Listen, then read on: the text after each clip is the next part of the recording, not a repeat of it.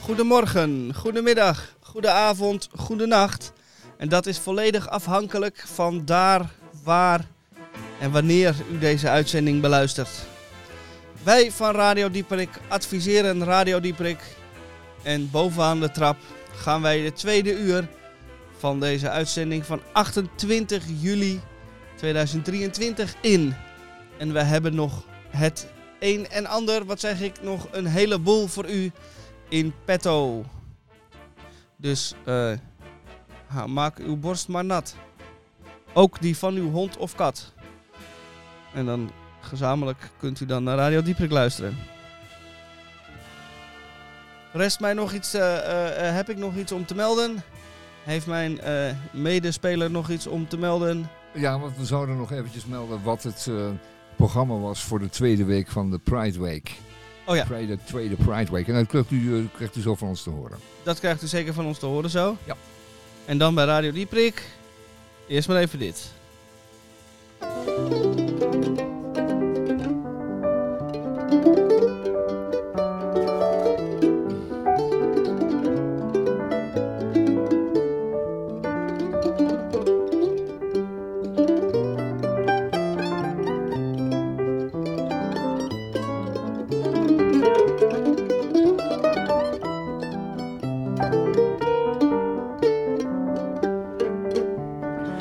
No use to sit and wonder why, babe.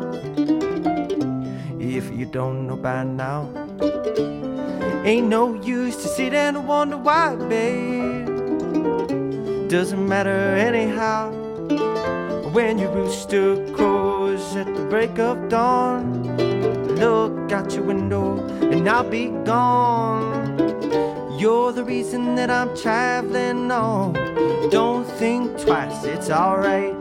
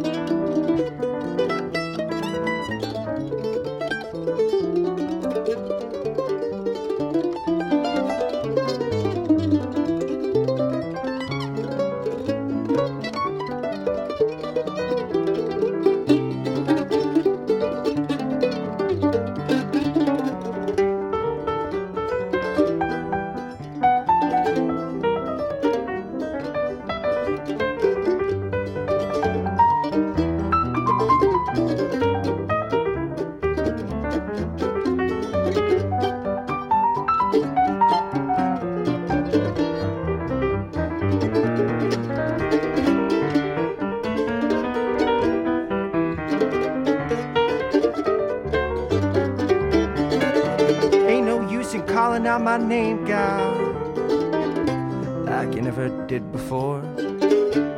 Ain't no use in calling out my name, gal. I can't hear you anymore. Still, I'm wishing there was something you could do or say that would make me change my mind and stay. But we never really did that much talking anyway. Don't think twice, it's alright.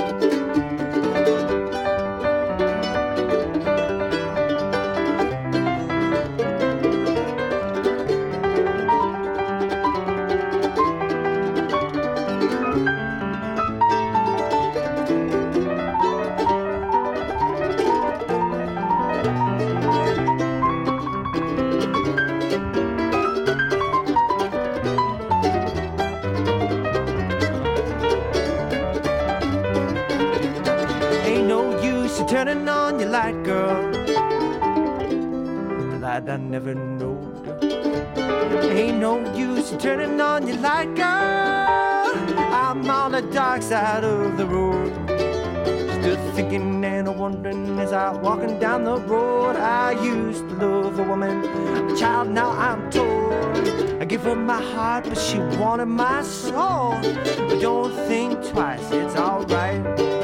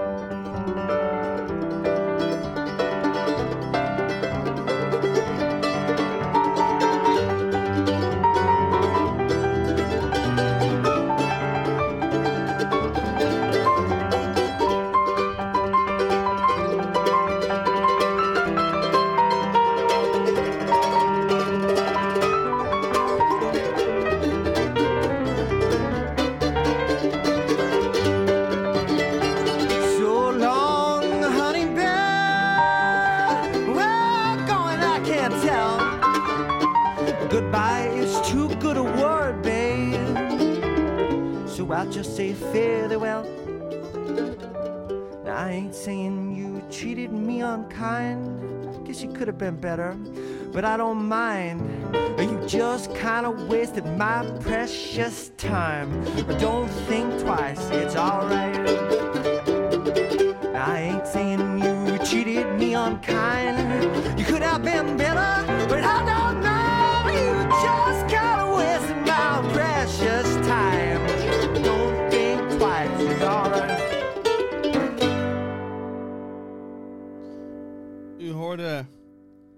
Chris Tilly en Brad Meldau. En zij zongen eh, een nummer van eh, Bob Dylan. Don't think twice, it's alright. En dat wist u natuurlijk al dat dat van Bob Dylan was. Ehm, eh, en wat u eigenlijk even moet doen is eh, kijken welke liedjes de songwriter Bob Dylan allemaal geschreven heeft. Die door anderen vertolkt zijn. En dan komt u erachter dat die westlijst enorm lang is. Als u dat doet, heeft u daar wel een middagje voor nodig. En dan zult u op iedere bladzijde wel tien liedjes zien staan. Dat u denkt, oh, oh is, dat, is dat ook geschreven door Bob Dylan? Ik dacht dat dat van die was. En zo eh, eh, bent u dan de halve zondagmiddag. Ik stel voor een druilerige, regenachtige zondag in de herfst, ergens eh, halverwege oktober of zo. Print u die lijst uit. Koop twee pakken A4 papier, want zoveel heeft u nodig. En dan valt u van de ene verbazing in de andere. Maar ehm, waar u niet over hoeft te verbazen, is dat Radio Dieprik gewoon ook een tweede uur eh, voor u vult.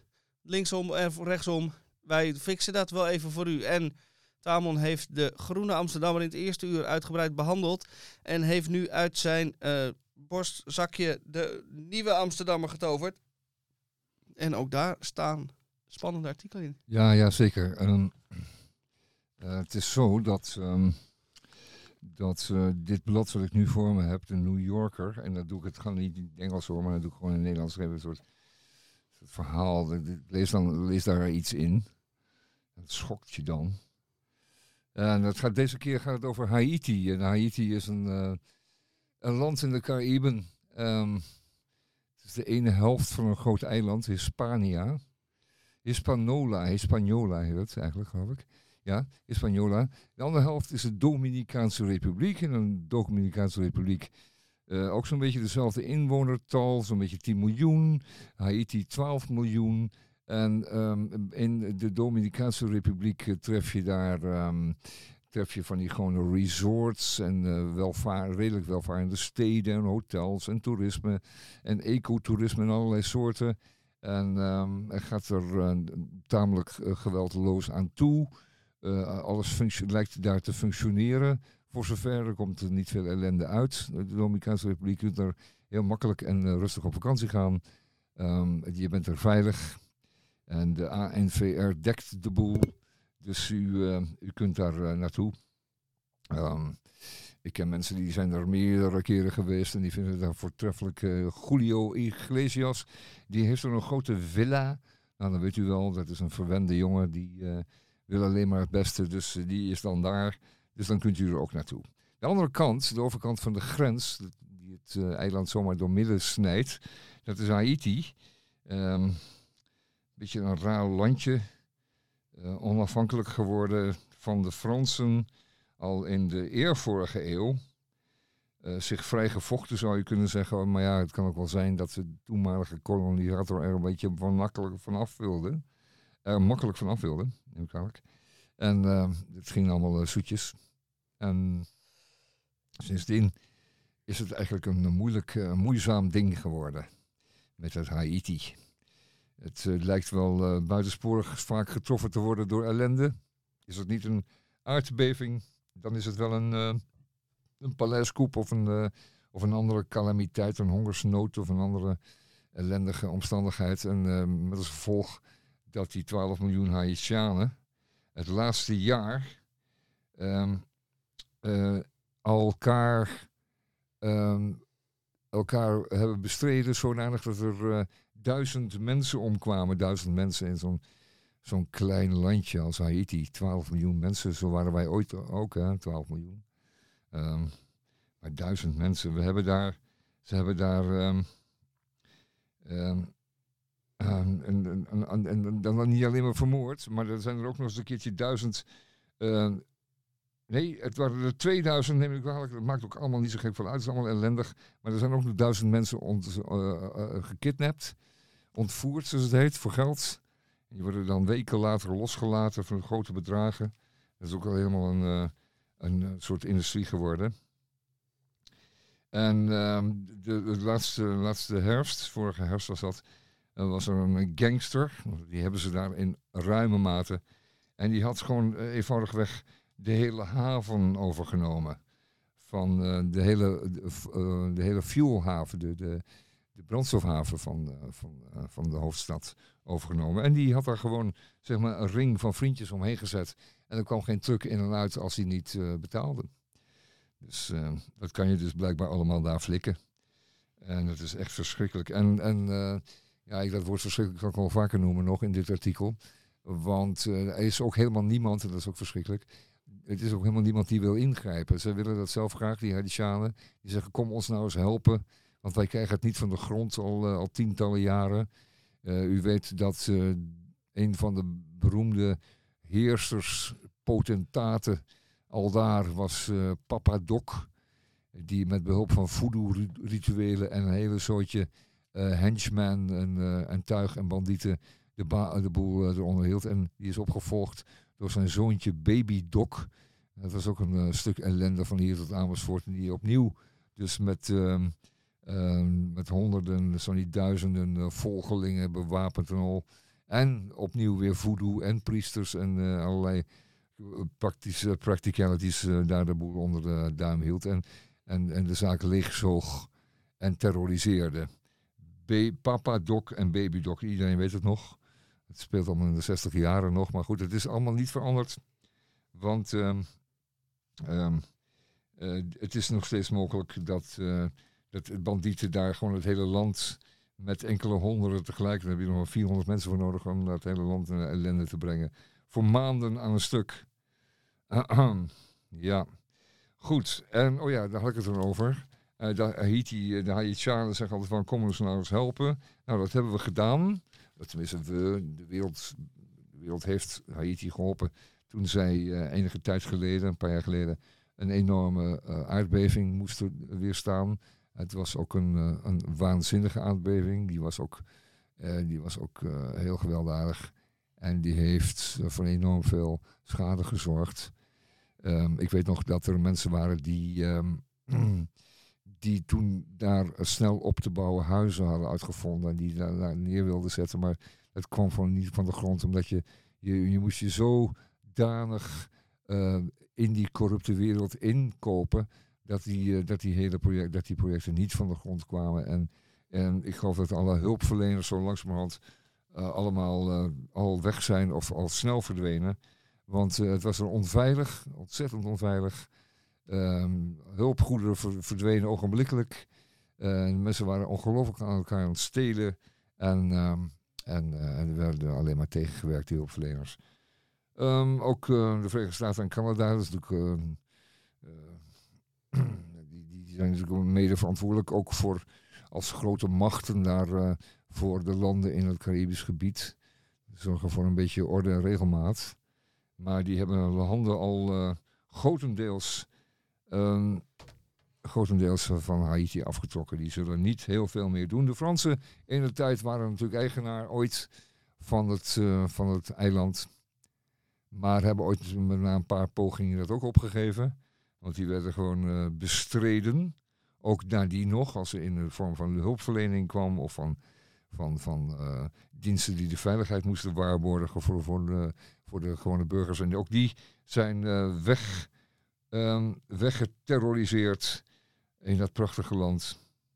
En uh, het is er uh, alleen maar slechter op geworden. Uh, vorig jaar, eer vorig jaar geloof ik, is eh, de president neergekogeld in zijn eigen paleis. Zijn vrouw wordt er overigens van verdacht. Zo gaat het dan daar. Als, als hij dan blijft leven bij die aanslag, wordt ze ook meteen verdacht. Dat zou ze het wel gedaan hebben. Maar um, duurt nu al een halve eeuw, duurt nu al 50 jaar. Hè, want uh, sinds Papa Doc is dan weer 50 jaar om. En uh, 1957. Uh, nee, dat is al meer meer. Dat is al ruim 50 jaar. er is niks, eh, niks anders, niks verbeterd, niks, eh, het, gaat, het gaat niet de goede kant op. Het is eigenlijk alleen maar erger geworden. En dat wil ik eigenlijk even melden. En nou vraag ik me af wat je met zo'n land nou zou kunnen doen. Om je gedachten dus over te gaan, laten gaan. Wat, zou je dan toch een keer echt moeten ingrijpen? Echt met, bijna met geweld en zeg maar, met, harde hand?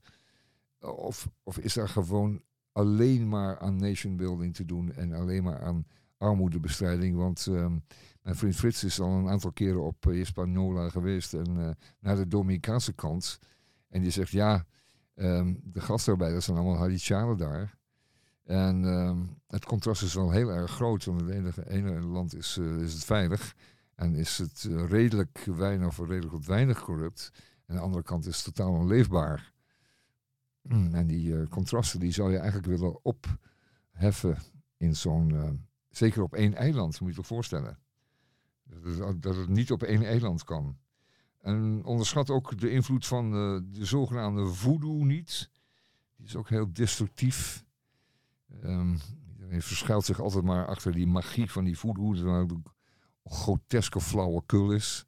Eh, het is louter een, eh, het is louter een smokescreen, een rookwolk. Waarachter zich eh, dat allemaal eh, beweegt. Wel, ehm, in, de, in de New Yorker natuurlijk verhalen over wat mensen dus echt meemaken dus, in, dat, ehm, in dat land. Ehm, en die proberen dan wat dieper door te dringen in de, in de geesten van, eh, van vooral eh, de mensen die daar eh, deel uitmaken van die bandietenbendes. En eh, de vraag dan, waarom doen jullie dat? Waar, wat is jullie drive? Waarom hebben jullie als bandietenbende verenigd? En normaal krijg je dan in Afrikaans land bijvoorbeeld altijd dat ze zich verenigen omdat de, de huidige heerser eh, corrupt is en dat er een eh, democratische regering moet worden gevormd en dat dat nu eenmaal wat strijd kost. En dat ze daarom een bevrijdingsbeweging hebben opgericht. En dat gaat dan onder het mom van. Die hebben we in Afrika natuurlijk met tientallen gehad. Maar daar is in Haiti helemaal geen strijd van, daar geen sprake van. Want eh, er staan hier een aantal vragen gemeld van de reporter aan diverse bandieten. En die zeggen, ja, waarom doe ik het eigenlijk? Ja, ik, ik kwam hier terecht en eh, toen ben ik maar mee gaan doen. Want ja, het is wel de enige manier om een boterham eh, te verdienen. Nou ja, als het dan zo ver is afgezakt dat dat dan eh, de manier van boterham verdienen is, dan zou je denken, dan moet er iets anders gebeuren. Nou, fijn. Er is weinig, ook op het einde van het artikel, er is weinig hoop. Ehm, de bandiet zegt, ik, ik weet niet waarom ik hier ben, ik ben gewoon hier. Ja, ik zou ergens anders kunnen zijn ook, maar ik ben nu hier. Dus daar is geen bedrijf, bevrijdingsbeweging met een ehm, in Moskou opgeleide leidsman eh, bij. Dat is gewoon alleen maar bandieterij. Nou, wij gaan het niet eh, repareren. Iemand anders wellicht ook niet. En wij gaan muziek draaien.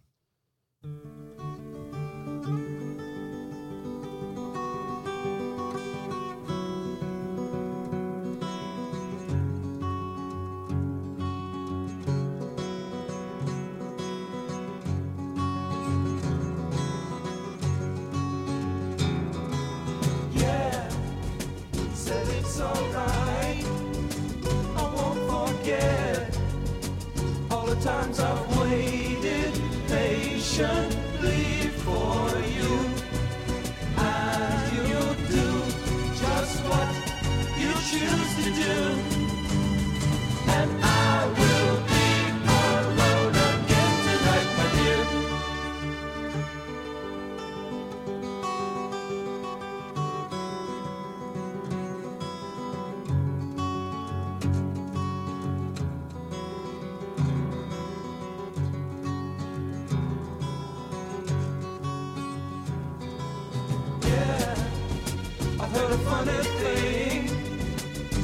Said to me, you know that I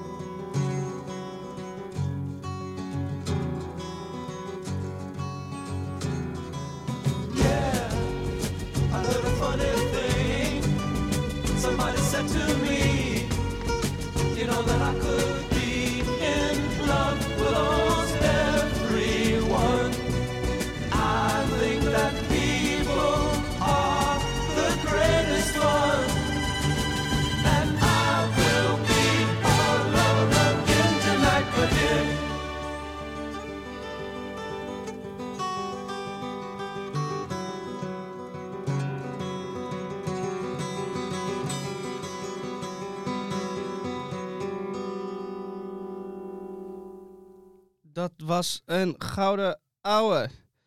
In 1896 werd er een hele korte film eh, gemaakt, genaamd L'arrivée d'un train un gare de la Ciotat. Eh, of, eh, dat is dan in mijn beste Frans, het is een film van 50 seconden, gekeerd door Auguste en Louis Lumière, de pioniers op het gebied van film. En deze film werd eh, vertoond in een eh, tent op een eh, carnaval, festival, kermis. En de mensen die dat zagen, die renden gillend weg. Omdat die film, die camera, standpunt, die staat eigenlijk op een perron en die trein rijdt vlak langs die camera. En mensen dachten, die trein rijdt zo dwars door dat scherm heen en worden wij allemaal aangereden. Dat is, eh, of dat echt gebeurd is, dat is niet helemaal duidelijk. Of dat het gewoon een mythe is. Wat wel echt gebeurd is, is dat een van onze filmrecensenten, dat zijn natuurlijk alle drie, maar eh, eh, de filmrecensent aan de overkant van mij, in het echt naar de film is geweest. En die duurde geen 50 seconden. En dat was ook geen mythe. Maar er valt wel veel over te vertellen. Ja, het is natuurlijk meteen de filmrubriek eh, van eh, Radio Dieperik op de vrijdagmiddag, tweede uur. Tussen twee en vier op eh, Salto Radio. We hebben een filmrubriek en meestal gaan Roos en Miesje dan netjes naar de film. En die vertellen dan keurig wat ze hebben ervaren en wat ze ervan vonden. Maar nu moeten we ja, toch een beetje improviseren. En ik vertel dan maar toch maar even over mijn filmervaring van deze week. En die was uiteraard, en velen met mij, duizenden, want het wordt gezien als een meesterwerk, ehm, de film Oppenheimer. Eh, het gaat over de man die de organisatie op zich had genomen om in heel korte tijd een atoombom te vervaardigen. Een uraniumbom in dit geval. Ehm, en dat moest, eh, zo vertelde hem, eh, men hem, ehm, omdat ehm, de nazi's, de, de Duitse overheid was al heel ver in de theorie van het ontwikkelen van een, van een eh, atoombom. En eh, de Amerikanen waren bang dat zij die voorsprong, ehm, dat die voorsprong steeds groter zou worden. En dat men uiteindelijk tot een werkende bom zou komen. En daar zou de Verenigde Staten, zouden de Verenigde Staten geen antwoord op hebben. Dus dat mocht niet gebeuren. Het was eh, in de hoogtijdagen van de, de, de, de grote Tweede Wereldoorlog. Dus de spanningen liepen behoorlijk op, op. En daarbij was het natuurlijk ook nog zo dat het Amerikaanse industriële apparaat, de machine, op volle toeren draaide. Dus eh, Amerika kon die uitdaging ook wel aan. En die stelde zich gewoon van eh, hoe gaan we de Duitsers stoppen? Of nee, eh, sterker nog, hoe gaan we ze inhalen? Hoe gaan wij hen tonen dat wij eerder zijn en dat we hen dus kunnen afschrikken met onze bom? Want als we dat doen, zo is de verwachting, dan zullen zij wel stoppen. Of althans dat niet eh, toepassen als ze weten dat wij er ook een hebben.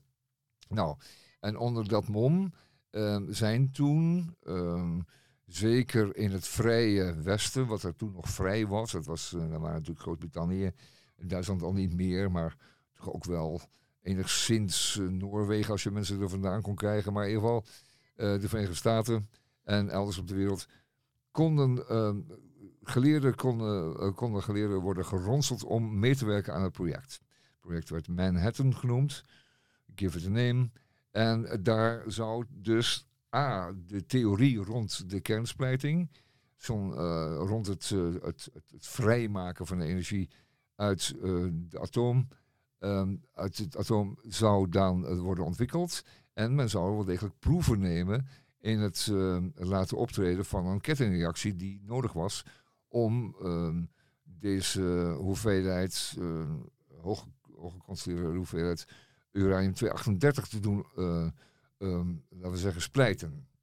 En, men- eerst moest de theorie vastgesteld worden en dan moesten proeven gedaan worden of de technieken werkten, de theoretische technieken, en die konden dan eh, al met al gezamenlijk worden toegepast op ehm, de te verzamelen hoeveelheid uranium die dan zou kunnen worden toegepast in de bom. In de bommen bleek later. Want ze hebben uiteindelijk drie werkende units weten te maken van de voorraad uranium die men toen had.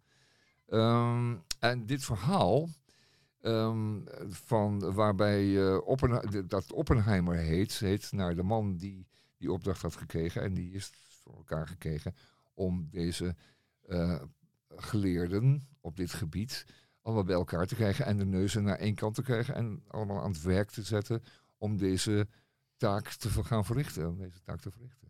Om het onderzoek te doen, maar ook de praktische ehm, hobbels te nemen. Er waren specialisten van allerlei gebieden natuurlijk bij nodig. Ehm, werkelijk allerlei gebieden. Metallurgisch, je noemt het, explosieve chemie. Ehm, natuurlijk ehm, de pure natuurkunde, de fysica. En alles bij elkaar. En er moesten ook mensen zijn die... Nou ja, goed. Ehm, dat hele zakje bij elkaar. Dat onder leiding van een hoge militair die daartoe de opdracht had gekregen, weer van de politiek. En dit verhaal, wat zich eh, in drie uur afspeelt, is buitengewoon eh boeiend, boeiend verteld door eh, Nolan. Je moet natuurlijk, het is fijn als je weet hoe ongeveer zo'n bom in elkaar zit en wat er allemaal voor nodig is. Eh, het hoeft niet, maar op zich is natuurlijk de film al een prachtig verhaal. Hoewel hij niet veel duidt. Dat is wat ik al zeg. Fijn als je weet hoe het een beetje in elkaar zit. Maar drie uur lang word je geboeid door dat, die enorme ehm, struggle, zeggen mensen tegenwoordig, maar de enorme strijd en enorme moeite die iedereen neemt, ook vooral Oppenheimer neemt, Oppenheimer neemt om, om de mensen bij elkaar te houden. Want wat is het namelijk? En dat is wel duidelijk uit de film.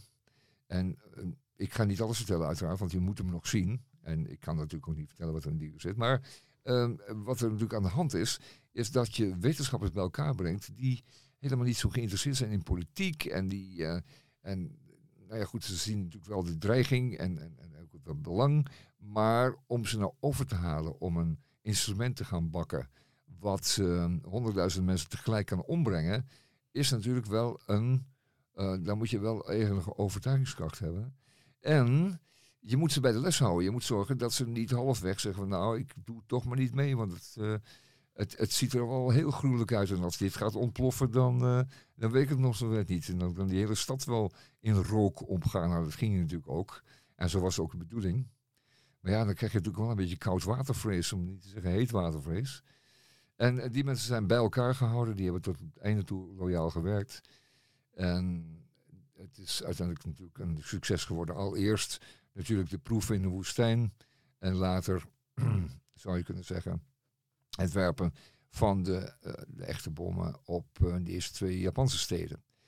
Echter, omdat ehm, de, eh, de oorlog tegen Duitsland eigenlijk al afgelopen was op het moment dat de bom nog niet klaar was, was er noodzaak om, om, om de bom te ontwikkelen om tegen de nazi's eh, eh, toe te passen.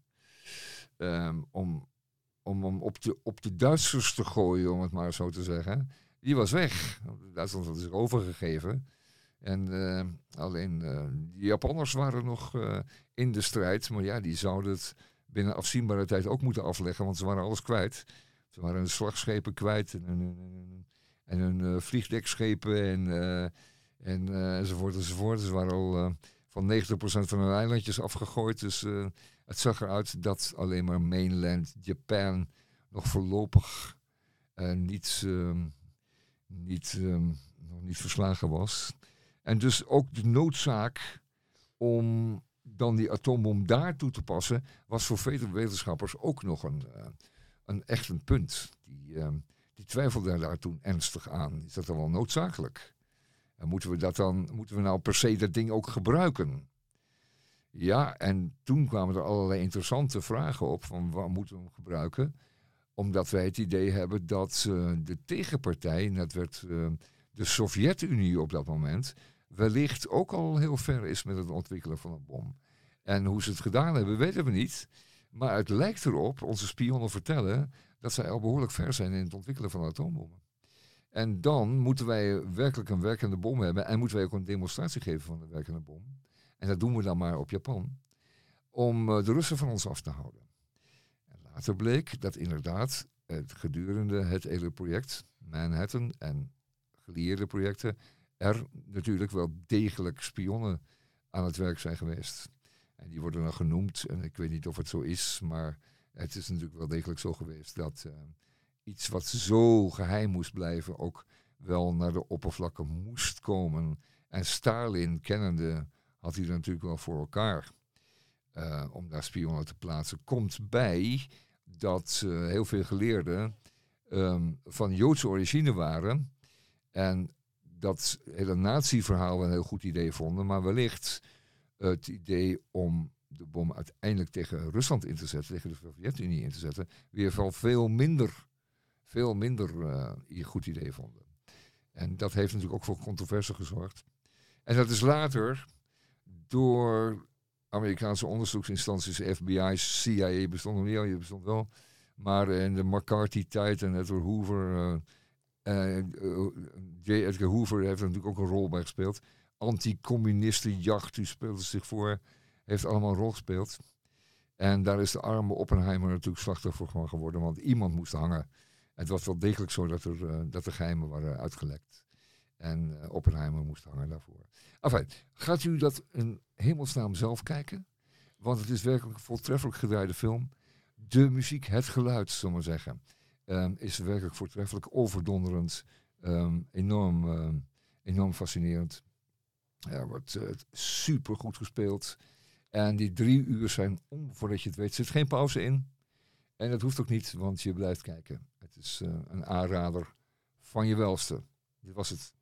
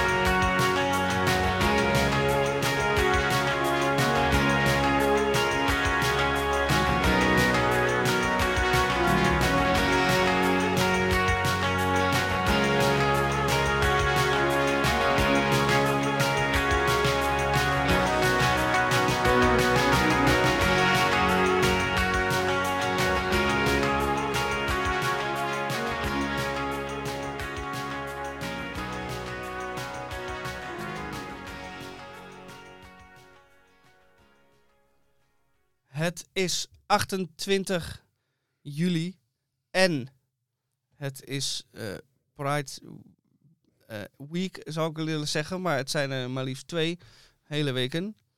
Eh, vorige week is het al begonnen en het loopt door tot de 6 augustus. En wat is er dan allemaal te doen? Nou, ik scroll hier even door de evenementen heen. En het zijn er dusdanig veel dat er, er een eh, selectie gemaakt moet worden. Vanavond al, op deze vrijdagavond al, kunt u eh, naar niet één, maar maar liefst eh, twee feestjes. Die al beide om tien uur beginnen en de eindtijd staat vijf uur. Maar misschien dat het nog wel wat langer doorgaat. ik weet het niet. Eén is een technofeest en de andere is een beetje... Het werd omschreven als gabber. en zo zie je gauw graag komen in je trainingspak. En er stond ook nog bij trouwens... graag, eh, we zien u graag met een t-shirt aan. Dat stond Oh, erbij. aan. Oh ja. ja. aan. Want anders wordt het een glibberige, eh, eh, klamme toestand. Zoiets, nou ja. Ja, verder zijn er heel veel filmvertoningen, theatervoorstellingen. Ehm, er zijn lezingen, er zijn gesprekken, discussies. In de Melkweg is er van alles. De lijst is oneindig lang en tot en met eh, ehm, 6 augustus. En op 5 augustus is dan de Kennel Parade. Kanaal. Kennel. Kan, En, eh, kennel. Het is geen hondenkennel. Oh, Het is Kennel. een- Ja, het is uh, Streets en Kanaal. Het is een Kna- kanaal. K- Kanaal. Ja, kanaal. Kanaal Parade. eh, eh, Kanaal beginnend bij het Oosterdok. En eh, gaat dan helemaal. Dat, dat is de zaterdag waar we het over hebben, hè? Ja, 5 5 augustus. augustus, jawel. Dat is Dus- volgende week zaterdag. Daar moet u bij zijn. Ja, ja, ja, want het is natuurlijk het volksfestijn naast eh Koning Innedag. Ehm, ik weet niet of het allemaal nog wel zo heilig is, maar in ieder geval het komt van heine verder komt het bekijken. en het, het, Aapjes het- kijken. Het, het vestigt, ja, aapjes kijken. En het vestigt zich met eh picknick, eh, met, met koeltrommels en, en, en stoeltjes aan de kant. Dus ja, laten mensen maar. Het is ook allemaal gekheid en waarom niet. Het maakt ook allemaal niet zoveel uit. Er zijn mensen die zich heel boos over maken. Die zeggen, is inderdaad aapjes kijken. Maar ja, het is ook wel geinig. En de mensen zijn verkleed en het is holadier. En het is van uh, bonkeboenk en eh, la la la. Dus ja, vandaar. van einde en verre. En de provincie ook, die mag ook komen. Dus Zo is dat. 5, 5 augustus. Volgende.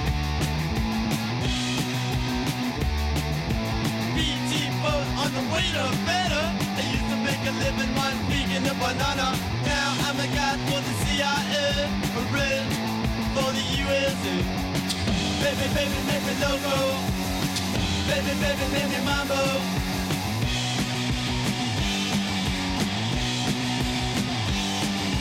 City spot, only keep it truth. First stop, I better go, go. I used to make a living on picking the banana bread for Havana. Baby, baby, me loco. Baby, baby, me mambo.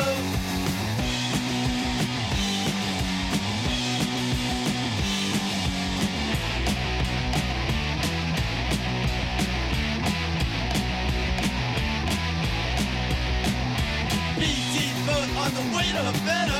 I used to make a living banana. Now I'm a guy for the CIA, red the USA. Baby, baby, me loco. Baby, baby, me mambo.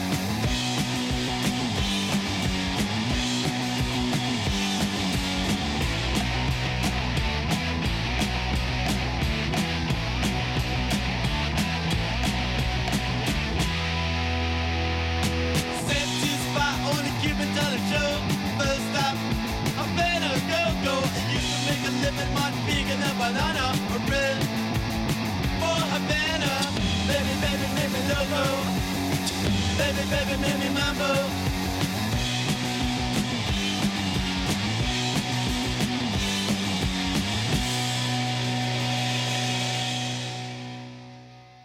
De Ramones uit eh, 1979, als ik me niet vergis, dit nummer. Eh, die eh, jassen het er doorheen. En dat is natuurlijk prima. Want op een eh, langspeelplaat is ruimte voor een x aantal minuten muziek. Maar eh 12 nummers wordt gewoon een beetje standaard eh, gezien. 12 tot Standaard 14. Rossen, ja, dat- 12 ros. En als je dan gewoon Goed, 12 ja, nummers van eh, anderhalve minuut maakt, dan ben je veel sneller klaar dan als je 12 eh, van die psychedelische rockdeuntjes die allemaal 13 minuten duren. Dat kan ook. Maar ehm, eh, Lange Halle Goudhuis eh, uit New York, dat wa- waren de Ramones. Met lang haar. Wa- wanneer- Welk jaar zei je trouwens? Ik zei 1979. en Dat geldt voor dat lied. ik zal het even opzoeken. Want het is wel een beetje post-punk dan. Want eh, eh, ik heb toch zomaar het gevoel dat, eh, dat punk toch eigenlijk wel een beetje 84 was. Maar dat zit ik helemaal naast of zo. Ben ik, verwar ik mij met Ja, ik zei 1979, dus dat is dan 89? pre- pre-punk. Nee, Ja. 76. Dus ik zat er. wat u net hoorde, komt uit 1976. Ja, dat lijkt van hun debuutalbum. Ah, dat lijkt me meer voor de hand liggend. Ja. Ja, ja, ja, ja, ja, 76 kan heel goed.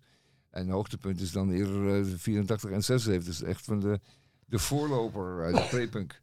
Goed, nou. ja, ik dacht ons 79, maar het was dus 76. goed. Eh, we wish we were there. In 19 eh, zoveel in eh, New York. Dan hadden we het allemaal zelf kunnen zien. Ehm, waar moet je nu naartoe in Amsterdam? Ja, het wordt allemaal zo... Zijn er nog... Ja, ik moet even trouwens zeggen, eh, ga- naar eh pride.amsterdam eh, Ja. en daar kunt u zelf die eindeloze waslijst Breedpunt Amsterdam. pride.amsterdam. Ja, dan kunt u van eh, de knel naar eh, de technofeesten Ja. en weer terug. Ja, ja, ja, ja. Maar zijn er, ook, zijn er ook plaatsen waar gewoon bands optreden? Dat, je, nou, Zo'n soort Ramones-achtige kelder waar je er zijn, wel, bandjes ziet en dan... er zijn wel live eh, eh, performances, Ja, maar een... eh, ehm, Die zijn toch eigenlijk wel diep in ons hart vinden we die toch eigenlijk wel het leukst. hey, daar komt nog een... eh, wat wij ook leuk vinden, Ja. is de krompraat. Voor ons, de, de ontwikkeling van ons taalgevoel. We zijn toch ook nette mensen. Niet waar? Wij zijn zeer nette mensen. Nou, dat dacht ik ook. Spreek vooral voor jezelf, maar ik doe ook mijn best. En eh, wat zal het zijn? Eh, wat eh, kan ik voor u doen? Eh, als er ooit iemand, als u in een restaurant of, zich bevindt, of een ander etabli- etablissement, en de bediende al daar, dat is een beetje denigrerend woord, hè, bediende, als de bediening Ja. dan naar u toe komt zegt, weet u het al? Moet u antwoorden, nee, vertel.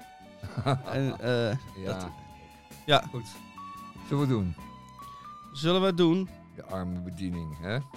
Zit ik een beetje de bediening in de maling te nemen. Dat is slecht behandeld. Zo ben ik. Ah. Pom, pom, pom, Toch was ik laatst weer ergens en dan was ik uitstekend behandeld. Dus dat kan gewoon allemaal wel. Dus- dus- Het bestaat nog. We hebben ooit. Hoor ik ook ondertussen wel dat het erbij hoort met de bediening. ja, we hebben ooit eh, eh, een van onze.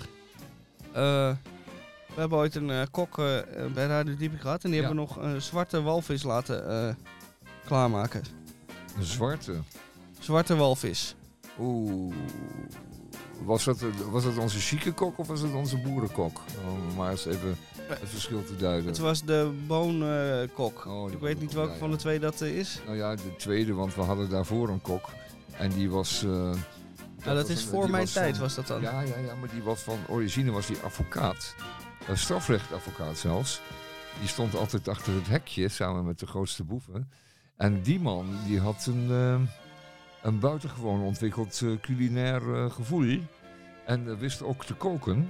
En die kookte met, met oesters, met krabben, met de fijnste ingrediënten. Daar moest minimaal altijd een kwart flesje champagne door de saus en zo. Dat was, Ah, Standaard, ja, nee, dat, dat zat helemaal, helemaal voor elkaar. De, de entrecots die vlogen door de, door de studio toen. de entrecotes eh, vlogen door de studio. Ja, bij wijze van spreken. Nou, wij hebben dus bij de boerenkok hebben wij eh, ehm, de zwarte walvis gehad. Oh, dat weet ik me niet te heugen, maar Een recept. ik heb het waarschijnlijk thuis niet na, na Nou, ik heb het hier voor me. Oh, Maar dat is eh, misschien... eh, je hebt het voor je? nou, het, het, het fragment dat hij dat voorleest. Nou ja, doe maar even dan. Van het éénsterrenrestaurant De Peulvrucht op de Zaanse Schans aan de waterloop de Zaan in de provincie West-Vlaanderen. En hier voor u het recept, namelijk gepocheerde zwarte walvis, gevouwen in gemengde sla. Dit gerecht gaat u geld kosten. En, en 11 euro per 100 gram van die eh, zwarte walvis. Vervolgens de ingrediënten. 1 zwarte walvis en geen kweekvis, plofkip kwaliteit. 80 gram verse kruiden. Tijm, citroen, me- melisse, bieslook, bonenkruid, oliebollen en kervel. 400 gram dunne plakken prijn, 16 Zeeuwse oesters, een kwart liter visbouillon, 30 gram wortel, fijn gehakt, 2 eetlepels crème fraîche, ook fijn gehakt en 200 gram gemengde sla. Vervolgens de bereidingswijze. De zwarte walvis in bouillon leggen en 1 minuut pocheren. Fijn hakken en vermengen met zeezout in de blender of keukenmachine en 6 uur laten marineren in de koelkast. Verse kruiden fijn hakken en vermengen met zeezout en suiker. De sla in de visbouillon tegen de kook aanbrengen. En een nacht laten trekken in de bouillon. Vervolgens afspoelen en droog deppen met keukenpapier. Licht kneuzen met de platte kant van een koksmes.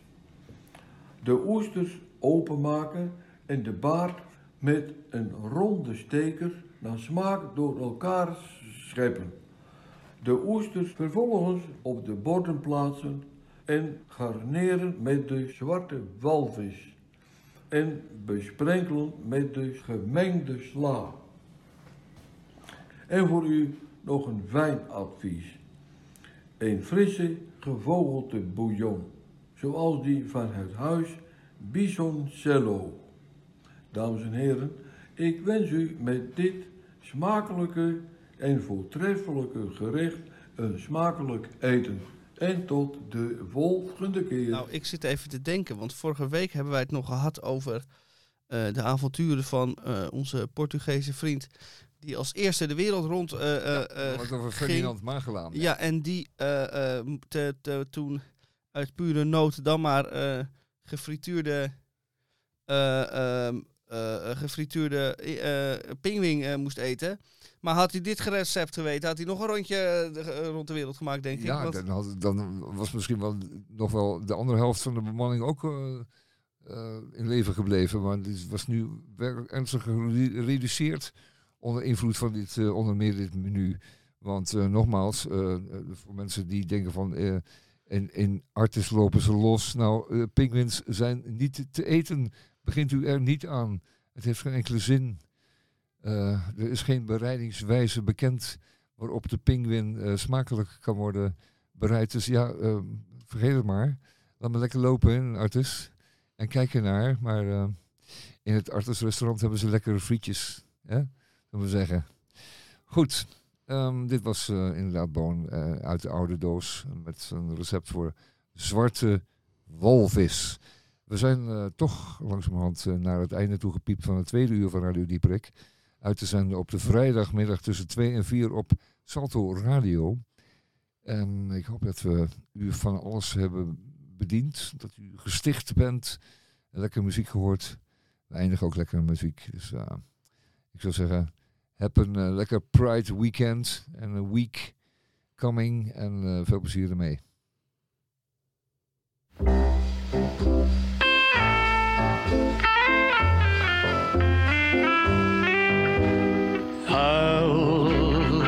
As strong as a mountain, or weak as a willow tree.